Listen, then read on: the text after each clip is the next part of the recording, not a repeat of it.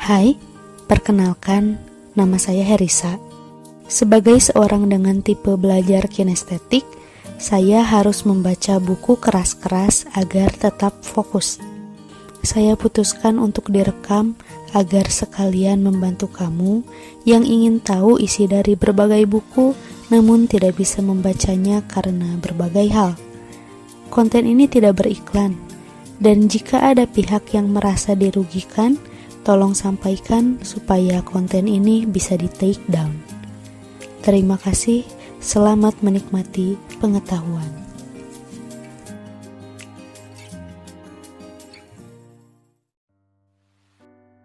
Fihi Mafihi pasal 11 Tunjukkan segala sesuatu padaku apa adanya. Pepatah hati menjadi saksi bagi hati yang lain mengacu pada sebuah realitas yang tersembunyi. Jika semua realitas terungkap secara terbuka, apa perlunya kata-kata diucapkan? Demikian juga ketika hati sudah menjadi saksi, lantas apa gunanya kesaksian lisan? Wakil Amir berkata, Sungguh, hati dapat memberikan kesaksian, tetapi hati memiliki tugasnya sendiri. Telinga juga memiliki peran sendiri, mata juga demikian, dan begitu pula dengan lisan. Dengan demikian, ada kebutuhan laten terhadap semuanya agar dapat menambah guna. Maulana Rumi berkata, "Jika hati bisa khusyuk secara total, maka semua anggota badan yang lain akan gugur di dalamnya dan lisan tidak lagi dibutuhkan. Contohnya adalah Laila. Laila bukanlah sebuah sosok spiritual. Ia adalah seorang perempuan yang punya raga dan bernafas. Ia berasal dari air dan tanah. Tapi kecintaan Majnun pada Laila telah membuatnya begitu terampas dan terkuasai sehingga ia tidak lagi membutuhkan mata untuk melihat Laila tidak pula membutuhkan telinga untuk mendengar suaranya. Hal ini dikarenakan Majnun tidak merasa Laila adalah raga yang terpisah dari dirinya, dan itulah yang membuatnya terus berteriak, Bayanganmu dalam pandanganku, namamu mengikat lidahku, kenanganmu dalam hatiku, ke mana harus kukirim kata-kata yang kurangkai ini? Bait puisi ini ditulis oleh Husain ibn Mansur al-Halaj, seorang sufi yang wafat pada tahun 309 Masehi. Jadi, wujud jasmaniah memiliki satu kekuatan luar biasa yang mampu membuat asmara dalam diri manusia memasuki sebuah keadaan di mana ia tidak melihat dirinya berada dalam raga yang terpisah dari sang kekasih. Semua inderanya terserap, penglihatan, pendengaran, penciuman, dan yang lainnya. Tak ada anggota badan yang meminta jatah untuk dirinya sendiri dan terpisah dari yang lainnya. Semua wujud menyatu. Jika setiap indera memainkan peran mereka masing-masing sepenuhnya, maka semuanya akan luruh dalam satu pengalaman dan tidak akan menginginkan yang lain lagi. Jika masih ada salah satu indera yang meminta tugas terpisah dari tugas indera lainnya, maka itu menunjukkan bahwa indera tersebut tidak mengambil tugasnya yang hakiki dan sempurna. Indera itu mengambil tugas yang kurang, dan dari sini bisa dipahami bahwa ia tidak benar-benar masuk ke dalam misi itu. Sementara indera lain mulai mencari tugas mereka masing-masing, dan semuanya menjadi terbagi. Dari sudut pandang esensi, semua indera melihat pada satu hal, tetapi jika dilihat dari sudut pandang bentuk luarnya, masing-masing mereka berbeda satu sama lain. Ketika satu indera bergerak masuk menuju kehidmatan, maka semua indera yang lain akan menyusul dan melebur di dalamnya. Sama halnya ketika seekor lalat terbang ke atas dengan menggerakkan sayap-sayapnya, kepalanya, dan semua anggota badannya secara terpisah, tetapi ketika ia tenggelam ke dalam madu, maka semua anggota badannya menjadi satu dan masing-masing tidak bergerak sama sekali. Penenggelaman membuat orang yang tenggelam itu menjadi tidak lagi ada di sana. Tidak ada lagi usaha yang tersisa dan tidak ada lagi perbuatan serta gerakan. Mereka tenggelam dalam air. Semua laku yang muncul dari dirinya bukan lagi menjadi miliknya, tapi menjadi laku air. Jika orang itu masih bisa memukul dan menendang air itu dengan tangan dan kakinya, maka itu bukan tenggelam namanya. Demikian juga jika mereka berteriak, "Aku sedang tenggelam." Ini juga tidaklah disebut tenggelam. Ambillah ungkapan masyhur ini, "Aku adalah Allah." Sebagian orang menganggap ungkapan tersebut sebuah pernyataan besar yang tak berdasar, tapi sebenarnya ungkapan itu adalah wujud kerendahan hati yang besar. Karena orang yang berkata, "Aku adalah hamba Allah," berarti percaya akan adanya dua eksistensi yang berbeda, dirinya sendiri dan Allah Subhanahu wa Ta'ala. Sementara mereka yang berkata, "Aku adalah Allah," berarti ia telah meniadakan diri dan mendamparkan dirinya pada angin. Mereka berkata, "Aku adalah Allah," berarti bahwa aku bukan apa-apa. Allah adalah segalanya. Tidak ada wujud kecuali dirinya. Aku sepenuhnya tidak ada. Aku hampa.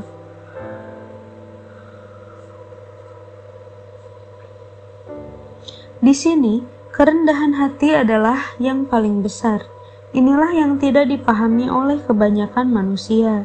Jika seseorang mempersembahkan ibadahnya kepada Allah untuk menghormati keagungannya, maka ibadah mereka masih tetap ada, meskipun ini demi Allah semata.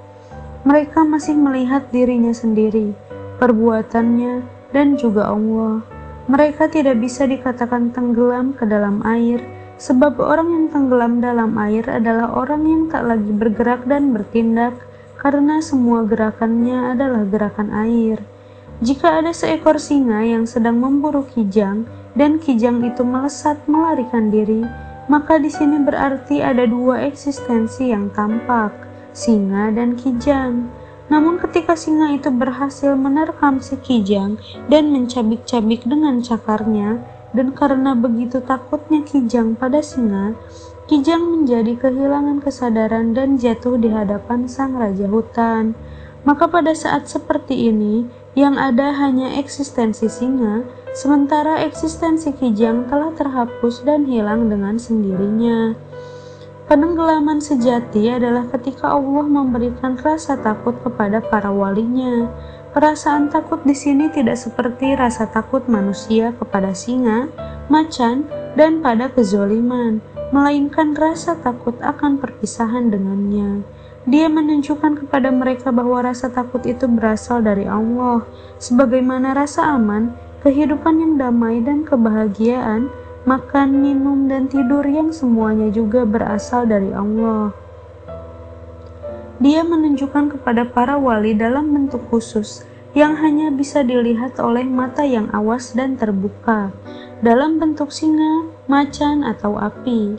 Dengan demikian, para wali akan segera mengetahui bahwa wujud singa dan macan yang ia lihat itu sama sekali bukanlah wujud yang berasal dari dunia ini, tetapi wujud dari dunia goib. Binatang itu dibentuk dalam sebuah wujud dan memperlihatkan keindahan yang luar biasa.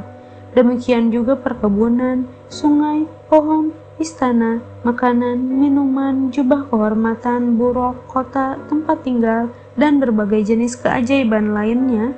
Mereka, para wali, mengetahui bahwa semua itu bukanlah wujud dari dunia ini, Allah menampakkan dan mengungkapkannya dalam sebuah wujud khusus agar wali itu bisa melihatnya. Dengan begitu, bisa dipahami sepenuhnya bahwa rasa takut, rasa aman, kebahagiaan, dan setiap tampakan spiritual itu berasal dari Allah semata. Sekarang, semakin jelas bahwa rasa takut akan perpisahan dengan Allah ini tidak sama dengan rasa takut yang ada dalam diri makhluknya karena rasa takut itu berasal dari perenungan dan pengalaman, dan bukan karena adanya dalil atau bukti. Hal itu dikarenakan Allah Subhanahu wa Ta'ala menunjukkannya dalam bentuk yang pasti bahwa segala sesuatu itu berasal darinya. Bisa jadi para filsuf mengetahui hal ini, tapi mereka mengetahuinya melalui bukti, sementara bukti itu tidak permanen. Kebahagiaan yang didapat dari bukti tidaklah abadi, sehingga kamu bisa berkomentar tentang bukti itu. Ia menyenangkan, hangat, dan mekar. Ketika kenangan tentang bukti itu berlalu, maka ketegangan dan kehangatannya juga berlalu. Misalnya seseorang mengetahui dengan bukti bahwa rumah ini dibangun oleh seorang tukang. Dengan bukti, ia juga mengetahui bahwa tukang itu memiliki dua mata. Ia tidak buta, ia memiliki kemampuan untuk membangun suatu konstruksi bangunan. Ia mampu, ia ada, dan bukan tidak ada. Ia hidup dan tidak mati. Sebelumnya, ia juga pernah membangun rumah. Orang itu mengetahui semuanya, tapi melalui bukti. Sementara bukti tidaklah abadi dan bisa dilupakan dengan sangat mudah. Para pecinta yang melayani Tuhannya mengetahui tukang itu, dan mereka melihatnya dengan mata keyakinan. Mereka telah makan roti dan garam bersama-sama, serta berkumpul bersama-sama. Meski demikian, tukang itu tidak pernah menghilang dari pikiran dan pandangan mereka. Orang-orang semacam ini fana atau lebur ke dalam Tuhannya. Bagi mereka, dosa bukanlah dosa dan kejahatan bukanlah kejahatan karena mereka sudah takluk dan menghilang ke dalam Sang Maha Benar. Seorang raja memerintahkan semua pelayannya agar masing-masing memegang cangkir dari emas untuk menyambut seorang tamu yang akan segera tiba. Sang raja juga memerintahkan pelayan kesayangannya untuk melakukan hal serupa. Ketika sang raja menampakkan wajahnya, pelayan kesayangan raja itu kehilangan kendali dan tak sadarkan diri setelah melihat sang raja. Cangkir pun jatuh dari tangannya dan pecah. Ketika pelayan lain melihat kejadian itu, mereka berkata, "Mungkin kita juga harus melakukannya." Mereka pun menjatuhkan cangkir-cangkir mereka dengan sengaja. "Mengapa kalian melakukan itu?" tegur sang raja. "Karena pelayan kesayangan baginda melakukan hal demikian," jawab mereka. "Dasar bodoh!" teriak raja. Bukan dia yang melakukan hal itu, tapi aku. Secara kasat mata, semua perilaku hamba itu adalah dosa, tapi justru dosa itulah yang merupakan bentuk ketaatan, bahkan melampaui ketaatan dan perbuatan dosa. Tujuan hakiki dari mereka semua adalah pelayan kesayangan raja itu. Para pelayan yang lain hanyalah pengikut sang raja dan demikian berarti mereka adalah pengikut dari pelayan kesayangan itu, karena ia sudah menjadi esensi dari sang raja yang meski tampilan luarnya memakai wujud budak, hatinya dipenuhi dengan kecantikan sang raja. Allah Subhanahu wa Ta'ala berfirman, "Jika bukan karena engkau, Muhammad, tak akan kuciptakan alam semesta." Dalam riwayat yang lain tertulis, "Jika bukan karenamu, tak akan kucipta surga." dan jika bukan karenamu, neraka tak akan kucipta. Kata akulah Allah menunjukkan wujudnya sendiri. Dengan demikian, ini berarti aku menciptakan alam semesta karena diriku sendiri. Inilah akulah Tuhan dalam bahasa dan simbol yang lain. Walaupun kata-kata para wali agung muncul dalam ratusan bentuk yang berbeda, Bagaimana mungkin kata-kata mereka berbeda sementara Allah itu satu dan jalan yang ditempuh juga satu? Meskipun kata-kata itu tampak bertentangan dalam bentuk luarnya, namun esensinya adalah sama. Perbedaan antara mereka hanya dalam bentuk luarnya saja, sementara esensinya tetap satu. Ini sama dengan perumpamaan seorang raja yang memerintahkan prajuritnya untuk mendirikan tenda. Salah seorang dari mereka menjalin tali, sementara yang lainnya memancangkan pasak, dan orang yang ketiga membuat penutupnya. Prajurit keempat menjahit, yang kelima merobek, dan yang keenam menyulam dengan jarum. Meski yang dilakukan oleh para prajurit itu berbeda-beda bentuk luarnya, akan tetapi secara esensi mereka bersatu dan mengerjakan satu misi. Seperti itulah kondisi-kondisi yang terjadi di dunia ini. Ketika kamu melihat sebuah masalah dengan benar, kamu akan melihat semua makhluk di bumi ini melakukan hal yang sama, yaitu beribadah kepada Tuhan. Yang fasik dan yang soleh, pendosa dan yang taat, setan dan malaikat. Misalnya para raja hendak mengetes hamba-hambanya dengan cara yang berbeda-beda sehingga bisa melihat mana yang teguh dari mereka dan mana yang tidak, yang baik dan yang buruk, serta yang setia dan yang pembangkang. Untuk itu, sang raja membutuhkan seorang pengganggu dan penghasut untuk mengetes keteguhan hati dan keikhlasan para hambanya. Tanpa adanya pengganggu dan penghasut ini, bagaimana mungkin keteguhan hati dan keikhlasan seorang hamba dapat ditentukan? Jadi, pengganggu dan penghasut ini sedang melayani raja karena atas kehendak raja mereka bertindak. Dia mengirimkan angin untuk menunjukkan yang teguh dari yang tidak teguh, untuk memisahkan lalat dari pohon dan taman, sehingga lalatnya akan pergi dan elang tetap tinggal seorang raja memerintahkan budak perempuannya untuk merias diri dan kemudian menawarkan diri mereka kepada para pelayan laki-laki untuk menguji apakah mereka amanah atau pengkhianat. Meskipun secara lahiriah perbuatan para budak perempuan itu adalah sebuah kemaksiatan, namun sesungguhnya mereka sedang mengabdi kepada raja mereka. Para hamba-hamba Tuhan yang sejati melihat sendiri di dunia ini tidak dengan bukti atau sekedar ikut-ikutan, tetapi dengan pengamatan dan penglihatan langsung tanpa selubung atau tabir bahwa semua manusia, yang baik maupun yang buruk, mempersembahkan ibadah dan ketaatan mereka kepada Allah. Dan tak ada suatu pun melainkan bertasbih dengan memujinya. Quran Surat Al-Isra ayat 44 dengan demikian, menurut para wali itu, dunia ini sendiri adalah kiamat. Karena kiamat berarti bahwa semua orang melaksanakan ibadah kepada Allah dan tak melakukan hal lain selain beribadah kepadanya. Mereka melihat esensi tersebut di dunia ini. Ada sebuah ungkapan, sekalipun selubung itu tersingkap, keyakinanku tidak akan bertambah. Alim secara kebahasaan bermakna lebih unggul dari arif. Allah sendiri disebut alim dan tidak seharusnya Allah disebut arif. Sementara arti dari kata arif itu sendiri adalah orang yang tidak tahu dan kemudian menjadi tahu.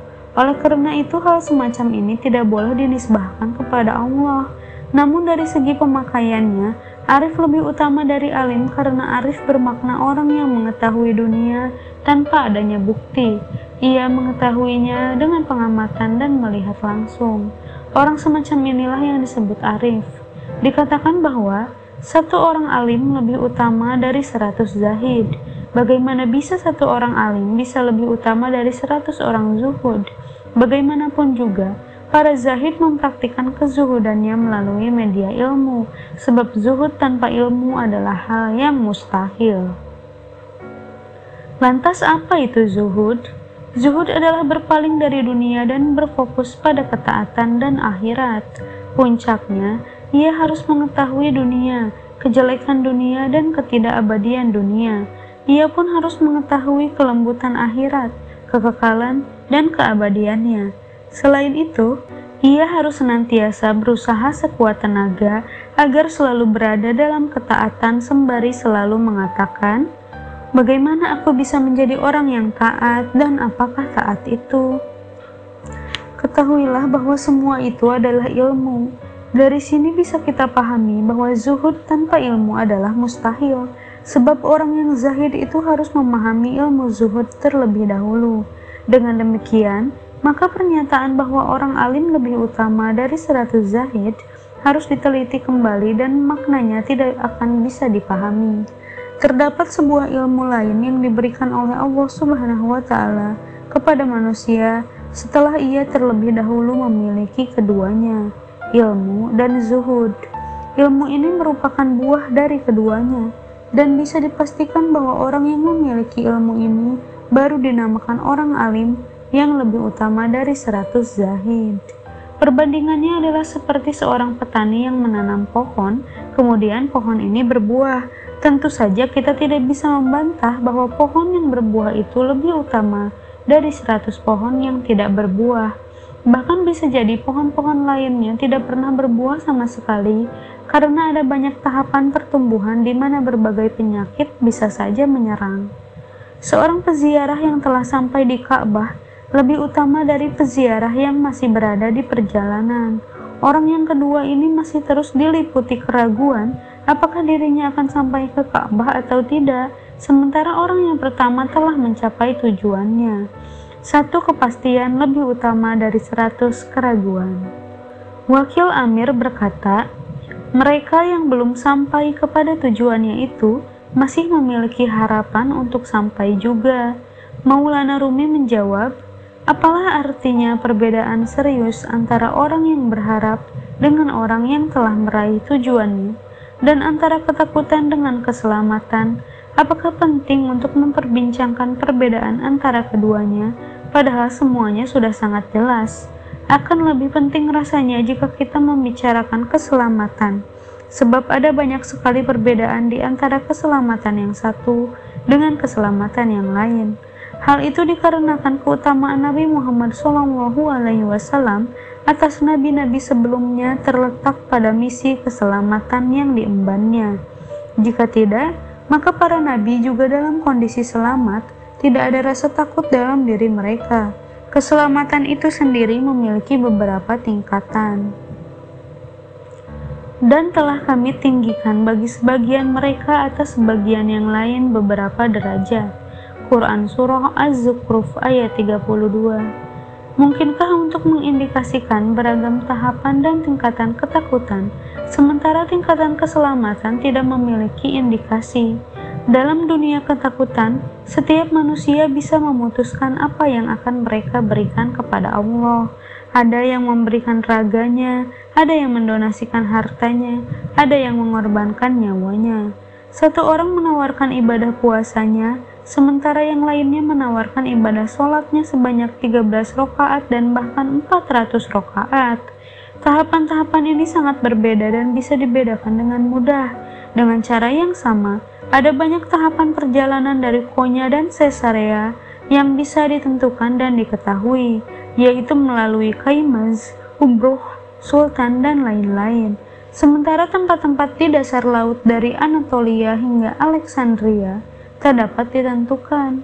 Tempat-tempat itu hanya diketahui oleh kapten-kapten kapal. Mereka juga tidak pernah membahasnya bersama penduduk darat karena mereka tidak akan memahaminya. Amir berkata, bahkan satu perbincangan pun akan ada manfaatnya. Mungkin manusia tidak mengetahui segala sesuatu, tetapi mereka akan mengetahui sedikit demi sedikit dan kemudian akan memahami dan mengira-ngira sisanya. Maulana Rumi berkata, Oh, demi Allah, seseorang sedang duduk begadang menembus pekatnya malam, meneguhkan hati untuk berjalan menuju siang. Meski ia tidak tahu bagaimana cara mencapainya, tetapi ia menjadi dekat dengan siang itu karena ia menantinya. Seseorang lainnya melakukan perjalanan bersama rombongan dalam pekatnya malam dan berteman hujan. Ia tidak tahu sampai di mana ia sekarang, jalan mana yang ia lalui, dan berapa banyak yang telah ia tempuh.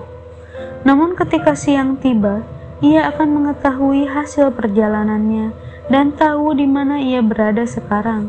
Semua yang dikerjakan oleh manusia akan dinilai oleh Allah Subhanahu wa Ta'ala. Bahkan jika kedua matanya tertutup, usaha mereka tidak akan hilang. Barang siapa yang mengerjakan kebaikan seberat zarah pun, niscaya dia akan melihat balasannya. Quran Surah Al-Zalzalah ayat 7 Meskipun di dalam begitu gelap dan terselubung sehingga ia tidak dapat melihat seberapa jauh perjalanannya selama ini, namun di akhirat nanti ia akan dapat melihatnya. Dunia adalah ladang bagi kehidupan di akhirat. Semua yang ditanam manusia di dunia ini akan ia panen di akhirat kelak.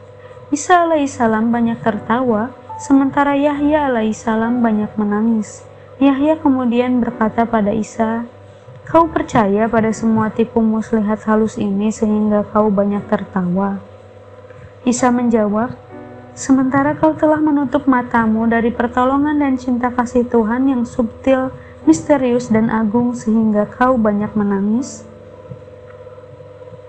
Seorang wali Allah hadir dalam percakapan tersebut. Ia kemudian bertanya kepada Allah, Di antara keduanya manakah yang memiliki martabat lebih tinggi?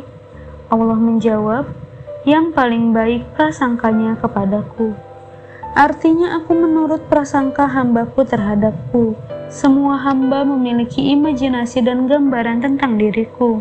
Dalam bentuk apa pun ia mengimajinasikanku, aku tepat sesuai dengan bentuk itu. Aku adalah hamba bagi hayalan yang memiliki Tuhan, dan aku tidak memikirkan hakikat yang tak memiliki Tuhan. Sucikanlah imajinasi kalian, wahai hamba-hambaku, karena itu adalah tempat kediamanku dan tempat bersemayamku. Sekarang, puji dirimu sendiri dengan menangis dan tertawa, berpuasa dan sholat, berkhulwat dan berkumpul, dan lain sebagainya yang manakah dari semua itu yang lebih bermanfaat bagi kalian? Dan dalam segala hal yang berkaitan dengan keadaan-keadaanmu, pilihlah pekerjaan-pekerjaan yang bisa membuatmu lebih istiqomah dan memberimu prestasi terbesar. Bertanyalah pada hatimu, meskipun yang lain tidak setuju. Dalam dirimu terdapat makna. Mintalah fatwa pada seorang mufti agar kamu bisa merengkuh makna itu dan menciptakan sesuatu yang sesuai dengannya. Sama seperti seorang dokter yang mengunjungi pasiennya dan bertanya pada sang pasien tentang keberadaan dokter ruhaniahnya. Karena sebenarnya kau memiliki dokter dalam dirimu, hanya saja keadaan jiwamu lah yang menolak untuk menerimanya. Oleh karena itu, dokter fisik tadi bertanya, "Makanan yang kamu makan, bagaimana rasanya? Beratkah?" Bagaimana dengan tidurmu? Demikianlah dari apa yang dijawab oleh dokter Ruhania, dokter fisik membuatkan resepnya. Hal ini dikarenakan akar masalahnya adalah dokter Ruhania itu respon pasien itu sendiri. Ketika dokter Ruhania ini lemah dan keadaan jiwa sang pasien rusak, maka pasien itu akan melihat segalanya berlawanan dengan yang sebenarnya, kemudian mengatakan hal-hal yang tidak seharusnya. Ia berkata, gula itu pahit dan cuka itu manis. Oleh sebab itu dia membutuhkan dokter fisik untuk menolongnya sampai ia pulih kembali. Setelah itu ia berkonsultasi sendiri pada dokter ruhaniahnya untuk mendapatkan bimbingan yang dia butuhkan. Pada dasarnya setiap insan memiliki kondisi jiwa yang sama. Para wali adalah dokter yang menawarkan pertolongan pada manusia agar keadaan jiwanya stabil serta hati dan agamanya menjadi kuat. Seperti yang dikatakan dalam sebuah ungkapan, tunjukkan padaku segalanya sebagaimana adanya mereka. Manusia adalah makhluk yang agung, yang mana dalam diri mereka tertulis segala sesuatu, namun selubung dan kegelapan tidak mengizinkan mereka untuk membaca pengetahuan yang ada dalam diri mereka sendiri. Selubung dan kegelapan itu adalah kesibukan yang bermacam-macam, hasrat-hasrat duniawi dan keinginan yang berwarna-warni. Tapi meskipun tenggelam dalam berbagai kegelapan dan tertutup oleh banyak selubung, mereka tetap dapat membaca sesuatu dan mengambil kesimpulan darinya. Bayangkan seandainya kegelapan dan selubung-selubung itu tersingkap, betapa berlimpahnya pengetahuan yang akan mereka temukan dalam diri mereka. Pada akhirnya, semua perilaku seperti menjahit, membangun, bertukang, pandai besi, ilmu astronomi, kedokteran, dan beragam perilaku manusia lainnya yang tidak dapat dihitung dan dibatasi jumlahnya ini tersingkap dari dalam diri manusia dan bukan dari batu atau tanah kering. Seekor gagak yang mengajarkan pada manusia tentang cara menguburkan mayat juga merupakan pembelajaran bagi manusia yang memperhatikan burung sebagai bagian dari desakan dari diri dan mendorong mereka untuk mempelajarinya. Dengan demikian, naluri-naluri hewan tidak lain adalah bagian dari manusia, tetapi satu bagian tidak berarti keseluruhan. Hal ini serupa dengan seseorang yang hendak menulis dengan tangan kirinya Meski hatinya sudah teguh, tangannya gemetar ketika menulis. Namun, tangan itu tetap saja menulis karena ada perintah dari hati.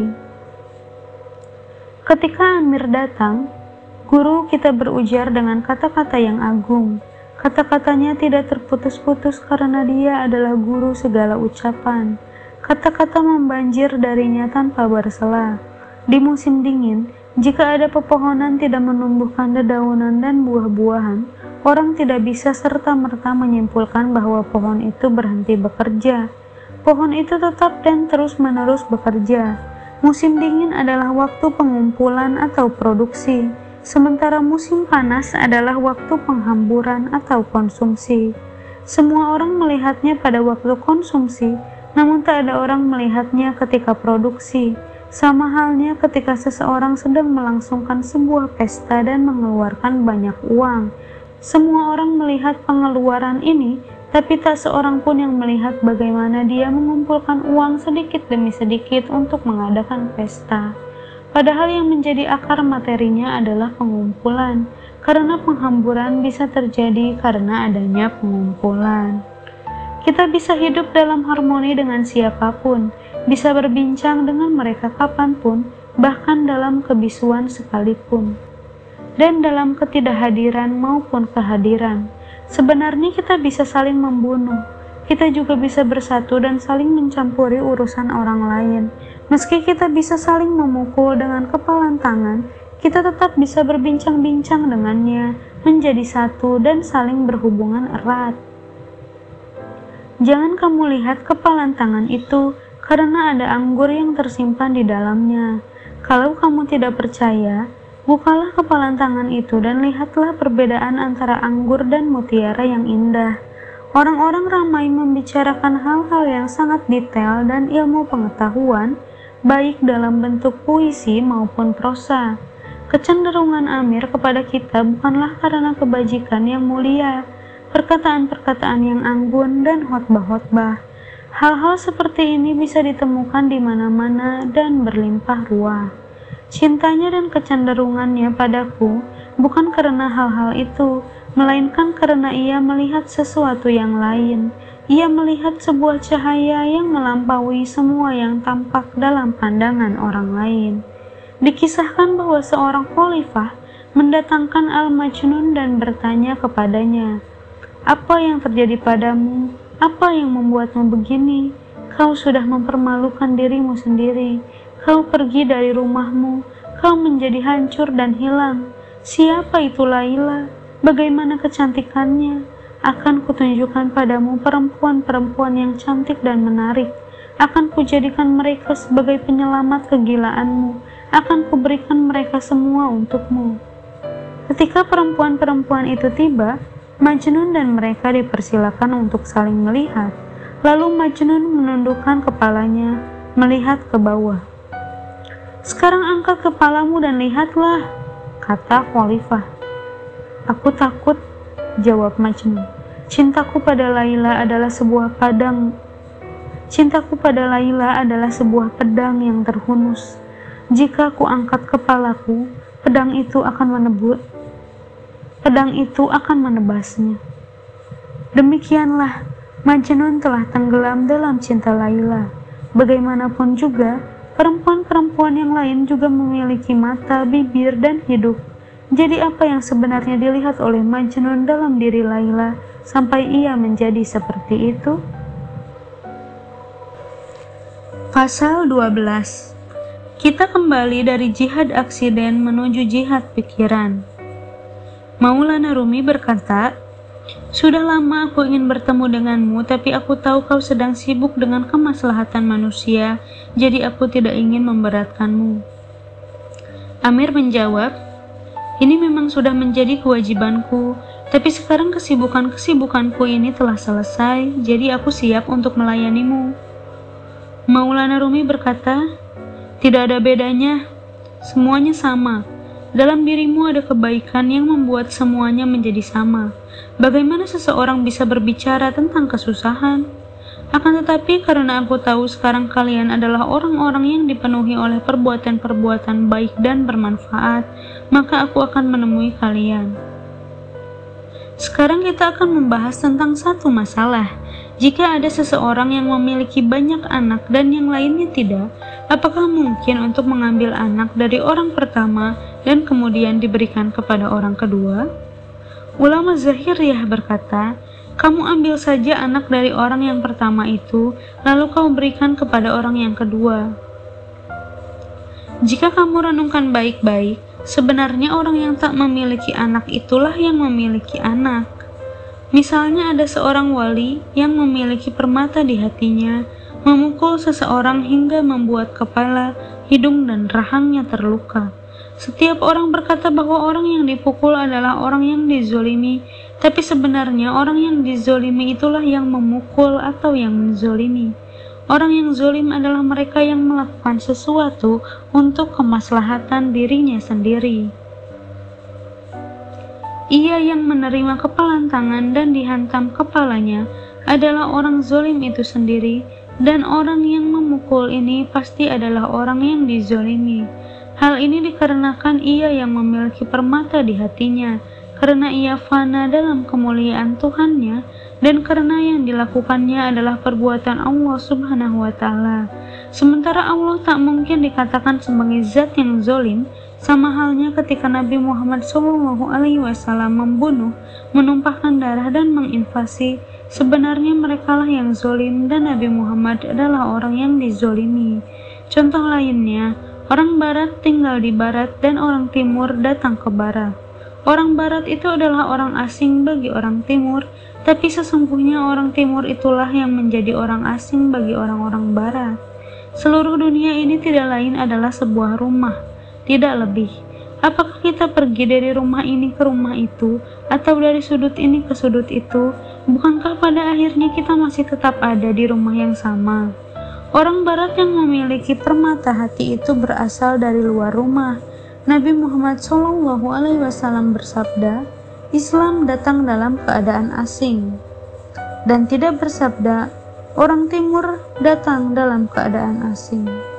Dengan demikian, ketika Nabi Muhammad SAW dikalahkan oleh musuh-musuhnya, beliau adalah orang yang dizolimi. Begitu pula saat beliau menghantam mereka, beliau juga adalah orang yang dizolimi. Karena dalam kedua keadaan tersebut, Tuhan atau kebenaran ada bersama dirinya, dan orang yang dizolimi adalah orang yang menggenggam Tuhan atau kebenaran di tangannya. Hati Nabi Muhammad SAW berasa terbakar melihat para tawanannya. Kemudian Allah menurunkan wahyunya untuk mendamaikan hati beliau. Wahai Muhammad, katakanlah pada mereka, saat ini kalian tertawan dalam ikatan dan rantai-rantai jika kamu berniat untuk melakukan kebaikan, maka sungguh Allah akan membebaskan kalian dari belenggu itu. Dia akan mengembalikan segala milikmu yang telah hilang dan bahkan akan melipat gandakannya. Allah akan memberikan pengampunan dan keberkahan untukmu di akhirat kelak. Dia juga akan memberikan kalian dua gudang harta, yang mana salah satunya adalah gudang yang hilang dari diri kalian, dan yang satunya lagi adalah gudang akhirat. Amir bertanya, jika seorang hamba melakukan suatu amal, apakah pertolongan dan kebaikan yang ia akan dapatkan disebabkan oleh amal yang ia lakukan itu, ataukah itu anugerah dari Allah? Maulana Rumi menjawab, tentu saja itu adalah anugerah dari Allah taala. Tapi Allah taala karena kasih sayangnya yang luas membuatnya seolah-olah berasal dari hamba. Karena itu ia berfirman, pertolongan dan kebaikan itu adalah milikmu. Tak seorang pun mengetahui berbagai nikmat yang menanti, yang indah dipandang, sebagai balasan bagi mereka atas apa yang mereka kerjakan. Quran Surah As-Sajdah ayat 17 Amir berkata, karena Allah memiliki kasih sayang ini, maka setiap orang yang benar-benar mencari kebenaran akan mendapatkannya. Maulana Rumi menjawab, akan tetapi tanpa adanya seseorang pemandu atau mursyid, hal itu tidak akan terjadi. Ketika Bani Israel mematuhi Nabi Musa alaihissalam, semua jalan dibukakan pada mereka, bahkan lautan sekalipun. Lumpur disingkirkan dari lautan untuk jalan mereka. Tapi jika mereka saling berbeda pendapat, maka mereka akan tetap mengembara di jalan-jalan gurun pasir berada dalam kejahiliahan selama bertahun-tahun. Para pemandu masa itu bertanggung jawab terhadap kemaslahatan mereka yang berpegang teguh dan yang taat kepadanya. Misalnya, jika sekelompok tentara mematuhi perintah raja mereka, maka sang raja pun akan memperhatikan kebutuhan-kebutuhan mereka dan bertanggung jawab atas kemaslahatan mereka. Tetapi jika mereka tidak patuh, untuk apa sang raja repot-repot memikirkan urusan mereka? Akal itu seperti raja dalam tubuh manusia. Selama anggota tubuh yang lain patuh pada akal, maka semua urusan akan berada pada jalan yang benar. Tapi jika anggota tubuh itu tidak patuh kepadanya, maka semua urusan akan rusak. Tidakkah kamu lihat ketika seseorang mabuk karena meminum alkohol, berapa banyak kerusakan yang diperbuat oleh tangan, kaki, mulut, dan anggota tubuh lainnya? Kemudian di hari berikutnya, ketika ia sadar, ia berkata, "Ah, apa yang telah kulakukan? Kenapa aku memukul? Kenapa aku mencaci?" Demikian juga semua urusan di sebuah desa akan sempurna tatanannya hanya ketika ada seorang mursyid di desa tersebut dan para penduduk desa patuh kepadanya. Dengan demikian, akal sesungguhnya memikirkan kemaslahatan rakyat-rakyat ketika mereka mematuhi sang mursyid. Jika ia berpikir untuk pergi, ia tidak akan pergi kecuali para kaki berada di bawah perintahnya. Jika tidak, berarti ia memang tidak berpikir demikian. Sama seperti akal yang berposisi sebagai raja dalam tubuh manusia, jika dihubungkan dengan seorang wali, maka semua eksistensi yang disebut makhluk dengan seluruh potensi akal, pengetahuan, perenungan, dan ilmu-ilmu mereka adalah tubuh umat manusia dan wali tersebut adalah akal di tengah-tengah semua eksistensi itu. Dengan demikian, Ketika manusia atau tubuh tidak patuh pada wali atau akal yang menjadi raja bagi mereka, maka segala urusan mereka akan menjadi kacau dan mereka akan menyesal. Mereka harus patuh dan menerima segala yang dilakukan oleh sang wali, dan mereka tidak perlu menggunakan akal mereka karena bisa jadi mereka tidak bisa memahami apa yang diperbuat oleh sang wali dengan akal mereka sendiri, maka sudah sepatutnya mereka patuh pada wali tersebut. Ini seperti seorang anak yang diserahkan kepada seorang penjahit untuk dididik. Sudah seharusnya sang anak patuh pada penjahit itu. Jika penjahit memberinya sepotong kain untuk dijahit, maka ia harus menjahit potongan kain itu. Jika penjahit memberikan depun kepadanya, maka anak itu harus menjahit dengan depun itu. Jika anak tersebut ingin mempelajari keahlian sang penjahit, maka ia harus menanggalkan seluruh hasrat pribadinya dan tunduk pada semua perintah penjahit itu. Kita berharap semoga Allah memudahkan jalan itu untuk kita, jalan yang merupakan pertolongannya, jalan yang melebihi seribu daya dan upaya. Malam kemuliaan itu lebih baik dari seribu bulan Quran Surah Al-Qadar ayat 3. Ayat di atas semakna dengan ungkapan ini, satu sentakan Allah Subhanahu wa taala itu lebih baik daripada ibadahnya orang-orang yang tekun. Artinya jika pertolongan Allah mengintervensi amal manusia, maka pertolongan itu telah melakukan ratusan kali lipat perjuangan dan bahkan lebih. Perjuangan itu indah, baik dan bermanfaat tapi apalah artinya perjuangan itu jika dibanding dengan pertolongan Allah? Amir bertanya, apakah pertolongan Allah menciptakan perjuangan? Maulana Rumi menjawab, kenapa tidak? Ketika pertolongan Allah muncul, perjuangan dimulai. Alangkah besarnya usaha yang dilakukan oleh Nabi Isa alaihissalam ketika ia berkata di dalam kandungan ibunya, Sesungguhnya aku ini hamba Allah, dia memberiku Injil, Quran Surah Maryam ayat 30. Dan Yahya menyebutkan bahwa Isa saat itu sedang berada dalam perut ibunya, sementara perkataan itu sudah siap untuk Nabi Muhammad tanpa adanya usaha. Maka apakah orang-orang yang dibukakan Allah hatinya untuk menerima agama Islam? Quran Surah Az-Zumar ayat 22 Keutamaan datang terlebih dahulu Kemudian jika dalam diri manusia muncul kesadaran dari kesesatan, maka itulah yang dinamakan keutamaan dan anugerah murni dari Allah Subhanahu wa taala. Jika tidak, mengapa Allah tidak memberikan hal itu pada teman-temannya yang lain yang dekat dengannya? Keutamaan dan balasan dari Allah laksana percikan api. Pada mulanya ia adalah anugerah, akan tetapi jika kamu letakkan katun di dalamnya dan kamu kembangkan api itu sampai apinya semakin membesar, maka itulah yang disebut dengan keutamaan dan balasan. Percikan api itu awalnya kecil dan lemah, dan manusia dijadikan bersifat lemah. Quran Surah An-Nisa ayat 28 Akan tetapi ketika api yang lemah itu menyantap hidangannya, ia akan menjalar ke seluruh penjuru dunia dan membakar dunia Percikan kecil dan lemah itu kini telah menjadi besar dan kuat. Dan sesungguhnya kamu benar-benar berbudi pekerti yang agung. Quran Surah Al-Qulan ayat 4 Seseorang berkata, Sesungguhnya Maulana Rumi teramat mencintaimu. Maulana Rumi menjawab, Kedatangan dan perkataanku bukanlah indikasi dari rasa cintaku. Aku mengatakan apa saja yang tampak padaku.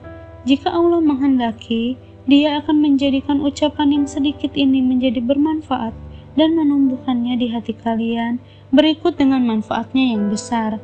Sebaliknya jika Allah tak menghendaki, seratus ribu kata yang terucap sekalipun tak akan ada yang terpatri di hati siapa pun, melainkan hanya akan berlalu dan dilupakan. Seperti halnya sebuah percikan api yang jatuh pada sepotong kain. Jika Allah berkenan, percikan itu akan menjadi besar dan melumat kain itu. Sebaliknya jika ia tak berkenan, seratus percikan api yang dikobarkan pada kain itu akan mati dan tidak sedikit pun membakarnya.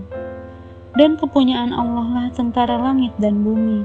Quran Surah Al-Fat ayat 4 Kata-kata adalah tentara Allah Subhanahu wa Ta'ala. Atas perintah Allah, mereka akan menghantam benteng dan menguasainya. Jika Allah menitahkan ribuan tentara berkuda untuk menaklukkan sebuah benteng tanpa harus menguasainya, maka mereka akan melakukannya. Begitu pula jika Allah memerintahkan satu pasukan berkuda untuk meruntuhkan benteng dan menguasainya, maka satu pasukan berkuda tersebut akan membukakan pintu benteng itu dan menguasainya. Allah mengirimkan seekor nyamuk untuk melawan Namrud dan menghancurkannya. Seperti yang pernah dikatakan, di mata sang Arif semua sama, baik itu satu sen, satu dinar, seekor singa, dan seekor kucing. Karena jika Allah sudah menurunkan berkahnya, maka uang satu sen akan mampu melakukan pekerjaan yang bisa dilakukan oleh uang satu dinar dan bahkan lebih. Sementara jika Allah merenggut berkahnya dari seribu dinar, maka uang sebesar ini tak akan mampu melakukan pekerjaan yang bisa dilakukan oleh uang satu sen. Begitu pula jika seekor kucing dititahkan untuk menaklukkan singa, seperti nyamuk yang diperintahkan untuk menghancurkan Namrud, maka singa-singa akan bergetar ketika berhadapan dengannya, atau tampak seperti keledai dungu di hadapan kucing, seperti beberapa darwis yang menunggangi singa, atau seperti api yang menjadi dingin di tubuh Ibrahim alaihissalam dan menyelamatkan, mendamaikan, menghiasi, dan melindungi beliau. Semua itu karena Allah tidak menitahkan api untuk membakar Ibrahim.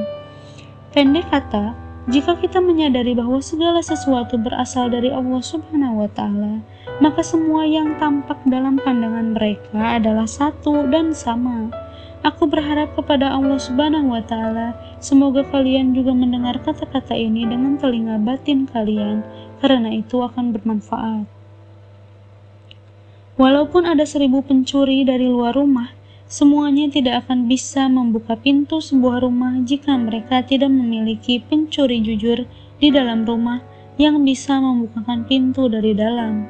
Ucapkanlah seribu kata dari luar, maka semua itu tidak akan berarti apa-apa jika tidak ada pembenaran dari dalam. Seperti halnya pohon yang tidak subur akar-akarnya, maka banjir ribuan kali pun tidak akan memberi manfaat apa-apa untuknya. Jika mengharapkan air bermanfaat baginya, maka akar pohon itu harus segar dan subur terlebih dahulu. Sekalipun seseorang mampu melihat seratus ribu cahaya, niscaya cahaya itu tak akan turun kecuali menuju asalnya, atau Nurul Ain. Meskipun dunia dipenuhi oleh cahayanya, tak akan ada seorang pun yang mampu melihat cahaya itu jika di matanya tidak ada percikan cahaya. Asal dari ketidakmampuan itu berada di dalam dirinya sendiri. Jiwa adalah sesuatu dan roh adalah sesuatu yang lain. Tidakkah kamu lihat ke mana jiwa pergi saat sedang tidur, sementara roh tetap tinggal dalam tubuh? Jiwa justru berkelana dan berubah menjadi hal yang lain. Dengan demikian, ungkapan Barang siapa yang mengenal dirinya akan mengenal Tuhannya, ini berbicara tentang jiwa. Maulana Rumi berkata, ungkapan itu berbicara tentang jiwa, tapi hal itu bukanlah sesuatu yang mudah.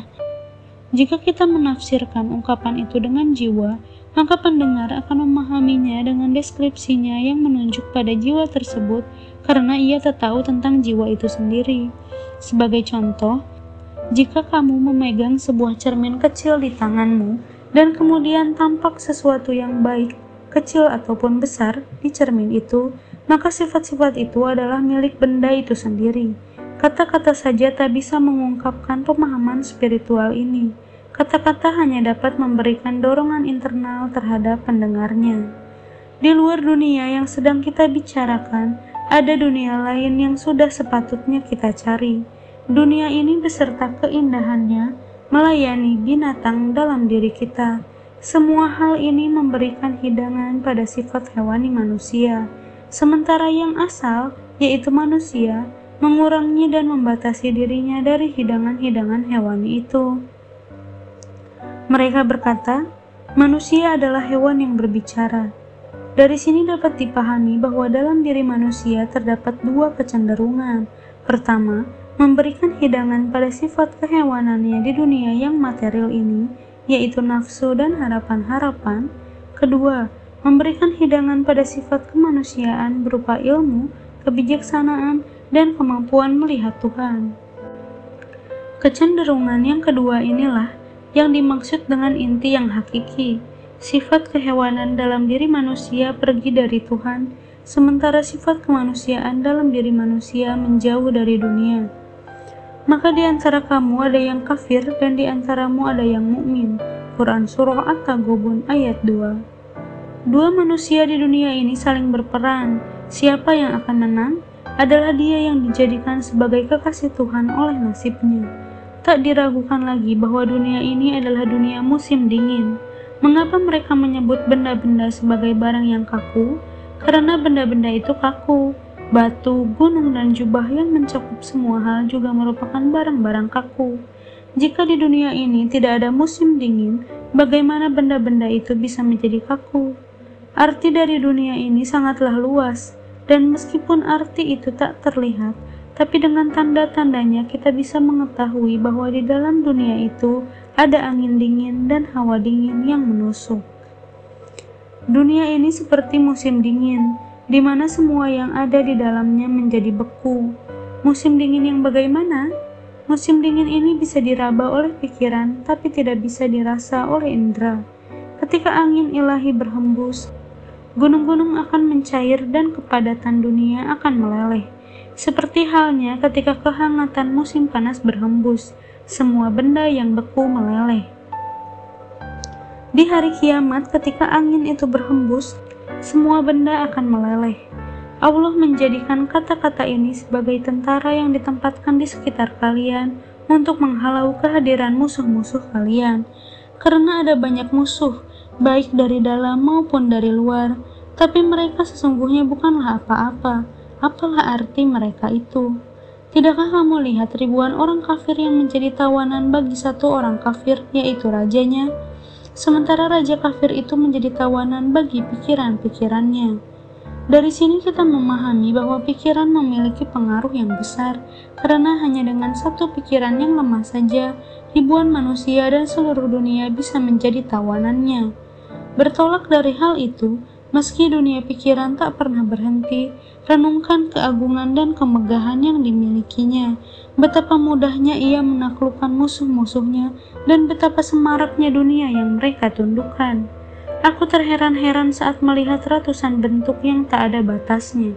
tentara yang merentang tanpa ujung dari satu padang ke padang lainnya. Semuanya menjadi tawanan satu orang, dan satu orang itu menjadi tawanan dari pikiran keji di kepalanya.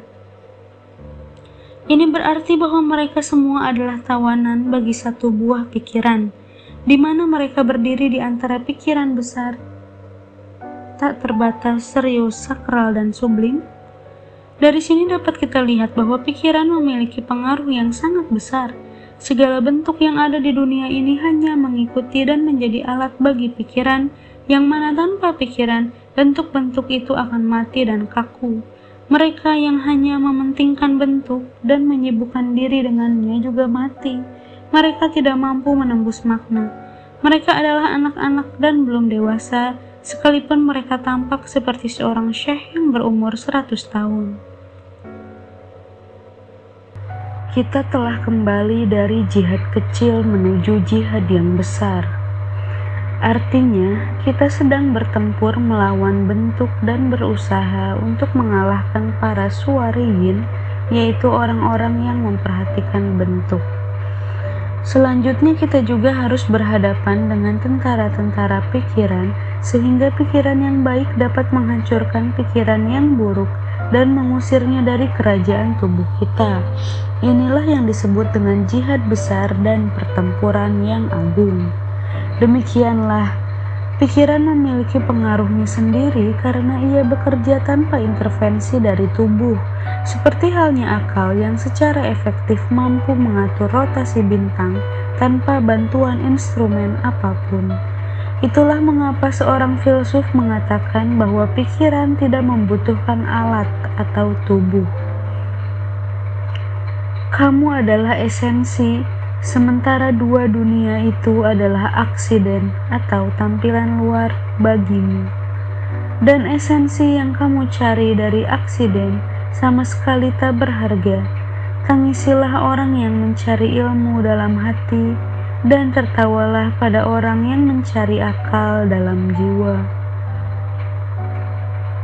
Karena dunia ini hanya merupakan aksiden, maka tidak seharusnya bagi manusia untuk terus berdiri di sampingnya. Esensi itu laksana botol parfum, dan dunia beserta keindahannya adalah aroma parfum itu. Aroma parfum ini tak akan bertahan lama sebab ia hanya merupakan aksiden. Siapa saja yang mencari botol parfum bukan aromanya karena ia tidak puas hanya dengan aroma itu maka itulah orang yang bijak. Tetapi siapa saja yang mencari aroma dan sudah merasa puas dengannya, maka dia adalah orang yang bodoh. Mereka memburu sesuatu yang tidak bisa digenggam oleh tangan mereka. Hal itu karena aroma hanyalah sifat dari parfum ini. Selama ada parfum di dunia ini, maka aromanya pasti tercium oleh hidung. Tetapi jika parfum itu sudah melintasi selubung, dan meninggalkan dunia ini, maka semua yang ada pada parfum itu akan hilang. Karena aroma adalah bagian yang inheren dari parfum, maka aroma itu akan ikut berpindah ke tempat di mana parfum itu berada. Beruntunglah orang yang menemukan parfum itu dengan mengikuti aromanya dan kemudian menjadi satu dengannya.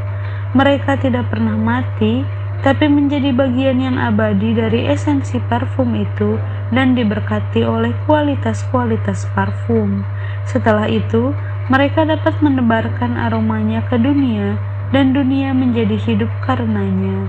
Tak ada lagi yang tersisa dari dirinya selain nama, seperti kuda atau hewan-hewan lain yang tenggelam dalam basin garam, tak tersisa dari hewan itu selain namanya. Yang sebenarnya terjadi adalah kuda itu sekarang telah menjadi bagian dari basin garam yang besar. Namanya tak akan merubah apa pun dan ia tetap tidak akan bisa keluar dari basin garam tersebut. Meski kamu berikan nama lain padanya di dalam basin garam itu, ia tetap tak akan bisa keluar dari sifat kegaramannya. Oleh karena itu, Manusia harus menghindari keindahan dan kemegahan-kemegahan dunia yang merupakan bias-bias sinar dan refleksi dari Allah Subhanahu wa taala. Manusia tidak sepatutnya merasa puas hanya dengan hal-hal tersebut. Sebab meski semua itu merupakan kelembutan Allah dan sinar-sinar keindahannya, tetapi semua itu tidaklah abadi. Semua itu abadi bagi Allah, tapi nisbi bagi manusia.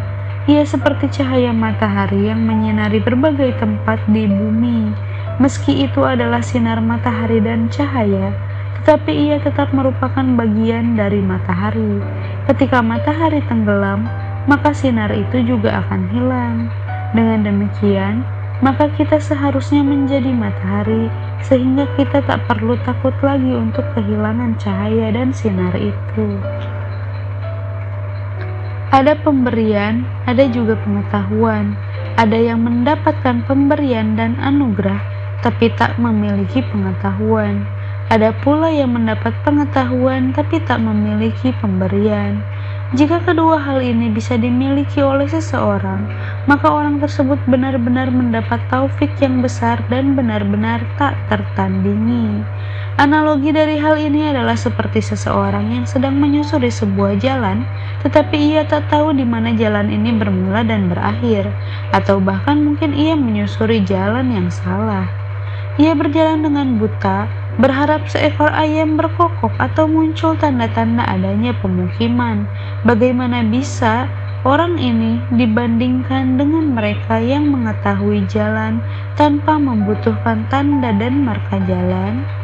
Tugas yang ia punya sangatlah jelas.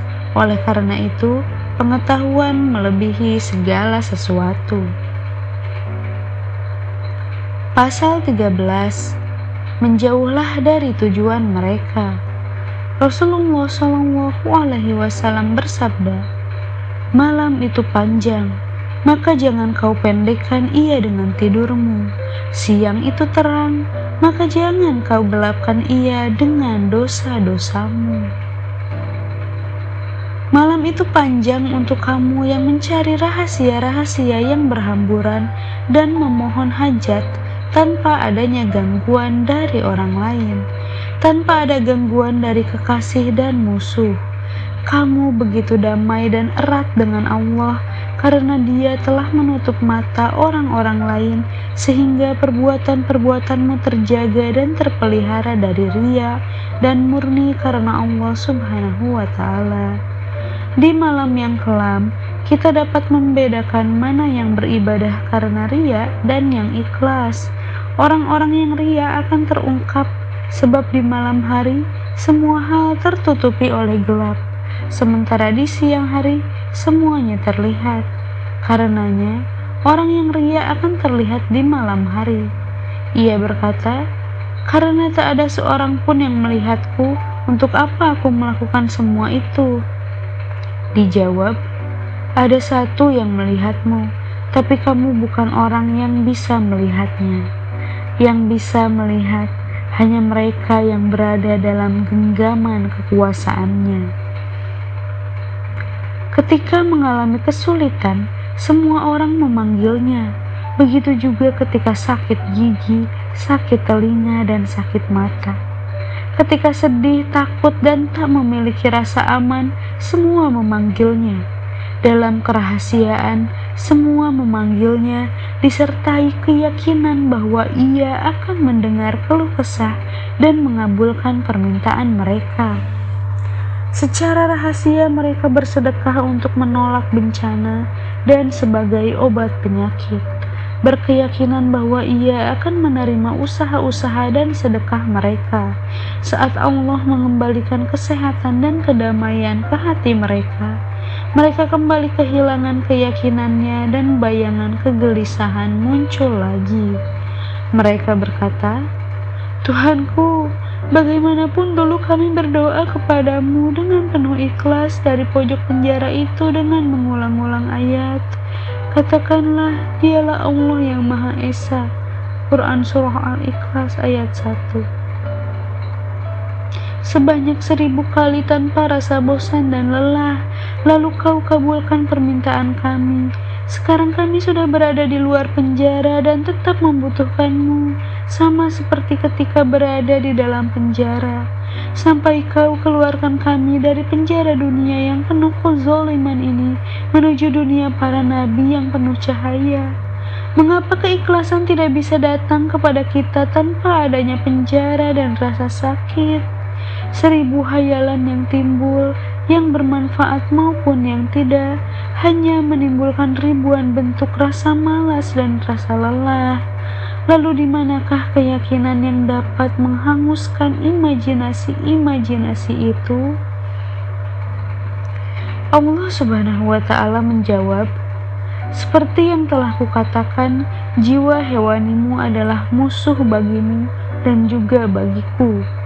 Hai orang-orang yang beriman, janganlah kamu mengambil musuhku dan musuhmu menjadi teman-teman setia. Quran Surah Al-Mumtahanah ayat 1 Perangilah musuh ini selalu di dalam penjara, sebab saat seseorang merasa terpenjara, diuji, dan menderita, maka keikhlasanmu akan muncul dan bahkan akan semakin kuat. Ribuan kali telah kamu buktikan bahwa keikhlasan muncul karena adanya rasa sakit pada gigi, pada kepala, dan adanya rasa takut. Lalu mengapa kamu terkungkung dengan kenyamanan raga? Kenapa kamu selalu disibukkan untuk merawat tubuh? Jangan lupakan ujung dari benang itu. Jauhkan dirimu dari apa-apa yang tidak dia inginkan, agar kamu bisa meraih tujuan abadi dan terbebas dari penjara kegelapan. Dan adapun orang-orang yang takut kepada kebesaran Tuhannya, dan menahan diri dari keinginan hawa nafsunya, maka sesungguhnya surgalah tempat tinggalnya. Quran Surah An-Nazi'at ayat 40 sampai 41. Pasal 14 dari dan untuk Allah. Syekh Ibrahim berkata, jika Saifuddin Faruk memukul seseorang, maka ia akan menyibukkan dirinya dengan bercerita kepada orang lain tentang perbuatannya itu agar orang-orang lain juga memukulnya. Akan tetapi metode seperti ini tidak akan menolong orang yang ia pukul. Syekh Ibrahim adalah salah satu murid kesayangan Syamsuddin Tabrizi. Maulana Rumi berkata, semua yang kamu lihat di dunia ini sama persis dengan apa yang ada di dunia sana. Semua hal yang ada di dunia ini merupakan contoh dari apa yang ada di dunia sana. Semua yang ada di dunia ini didatangkan dari dunia sana. Dan tidak ada sesuatu pun melainkan pada sisi kamilah hazanahnya. Dan kami tidak menurunkannya melainkan dengan ukuran yang tertentu. Quran Surah Al-Hijr ayat 21 Seorang laki-laki botak dari Balbak menjunjung nampan yang berisi macam-macam obat-obatan di atas kepalanya segenggam tiap jenisnya segenggam lada dan segenggam mastik Masing-masing jenis obat-obatan itu sebenarnya tak terbatas, tetapi sudah tidak ada tempat lagi yang tersisa di dalam nampannya. Manusia tak ubahnya laki-laki botak dari balbak ini atau seperti toko parfum. Masing-masing orang terisi oleh satu genggam atau beberapa genggam dari gudang sifat-sifat Allah yang diletakkan di dalam nampan. Sehingga di dunia ini, antara satu orang dengan orang lainnya saling bertalian dalam hal jual beli barang yang sesuai dengan kebutuhan mereka satu bagian dari pendengaran, satu bagian dari ucapan, satu bagian dari akal, satu bagian dari kemuliaan, satu bagian dari ilmu, dan seterusnya. Dengan demikian, terdapat beberapa orang yang berkeliling demi Tuhannya. Ia berjalan berkeliling menyusuri jalan-jalan siang dan malam untuk mengisi nampannya. Misalnya kamu dengan jelas melihat bahwa di dunia sana terdapat penglihatan, mata, dan pemandangan yang berbeda-beda. Sebuah contoh dari semua itu dikirimkan kepadamu agar kamu dapat melihat hal itu semua di dunia ini. Melihatnya semua itu di dunia ini tidak berarti bahwa kadar semua hal itu terbatas pada apa yang kamu lihat. Kamu hanya tidak mampu melihat lebih dari itu. Semua sifat yang aku miliki tidak terbatas, dan kami mengirimnya kepadamu dengan kadar tertentu. Renungkanlah bagaimana ribuan manusia dari generasi ke generasi datang dan mengisi penuh lautan ini, akan tetapi lautan itu tidak pernah penuh. Lihatlah gudang apa itu, setiap orang yang tinggal lama di dalamnya, hatinya akan merasa lebih dingin dari nampan itu. Itu adalah gambaran bahwa dunia ini berasal dari tempat contoh itu berada dan akan kembali lagi ke tempat berkumpulnya semua contoh-contoh itu. Sesungguhnya kami adalah milik Allah dan sesungguhnya hanya kepadanya lah kami kembali. Quran Surah Al-Baqarah ayat 156 Kata inna atau sesungguhnya kami bermakna semua bagian dari kita berasal dari dunia sana. Semua itu hanyalah contoh dari dunia yang ada di sana dan nanti akan kembali lagi ke sana yang kecil, yang besar, maupun semua binatang. Dunia yang ada di sana begitu lembut dan tak kasat mata, tetapi alangkah indahnya ketika mereka menampakkan diri. Tidakkah kamu melihat bagaimana angin musim semi tercermin pada pepohonan, rerumputan, bunga-bunga di taman, dan tanaman kemangi? Melalui goyangan tanaman-tanaman itu, tampak keindahan musim semi. Jika kamu hanya memfokuskan pandanganmu pada angin musim semi itu, kamu tidak akan melihat semua keindahan itu. Tetapi, hal itu bukan karena pemandangan dan taman-taman itu tidak ada di dalam angin. Bukankah pemandangan seperti itu merupakan bias dari angin itu sendiri? Saat musim semi, bunga-bunga dan kemangi berdansa di taman akan tetapi berdansanya tanaman-tanaman itu sangat lembut dan tak bisa dilihat oleh mata telanjang. Ia tak akan tampak tanpa adanya media yang dapat membuatnya keluar dari kelembutannya tersebut. Demikian juga dengan manusia.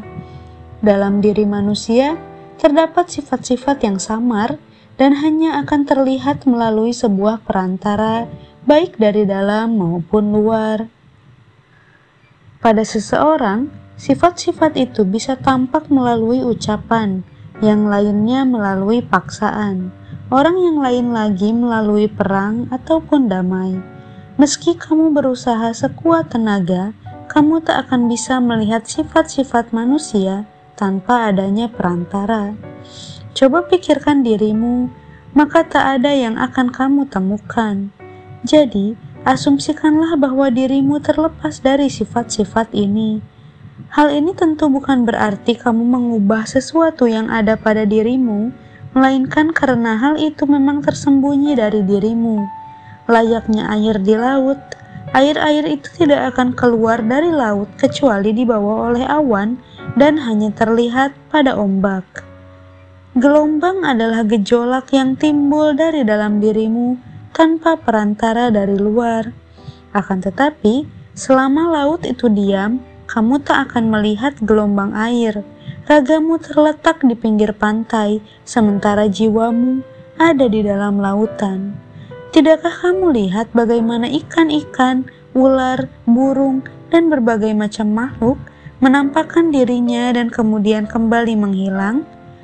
Sifat-sifatmu seperti marah, dengki, nafsu, dan yang lainnya akan timbul dari lautan ini. Dengan demikian, kamu dapat berkata, Sifat-sifat yang kamu miliki begitu lembut, wahai para pecinta Tuhan. Tak mungkin kamu dapat melihatnya tanpa perantaraan lidah, karena kelembutannya ia tak akan pernah terlihat tanpa adanya perantara.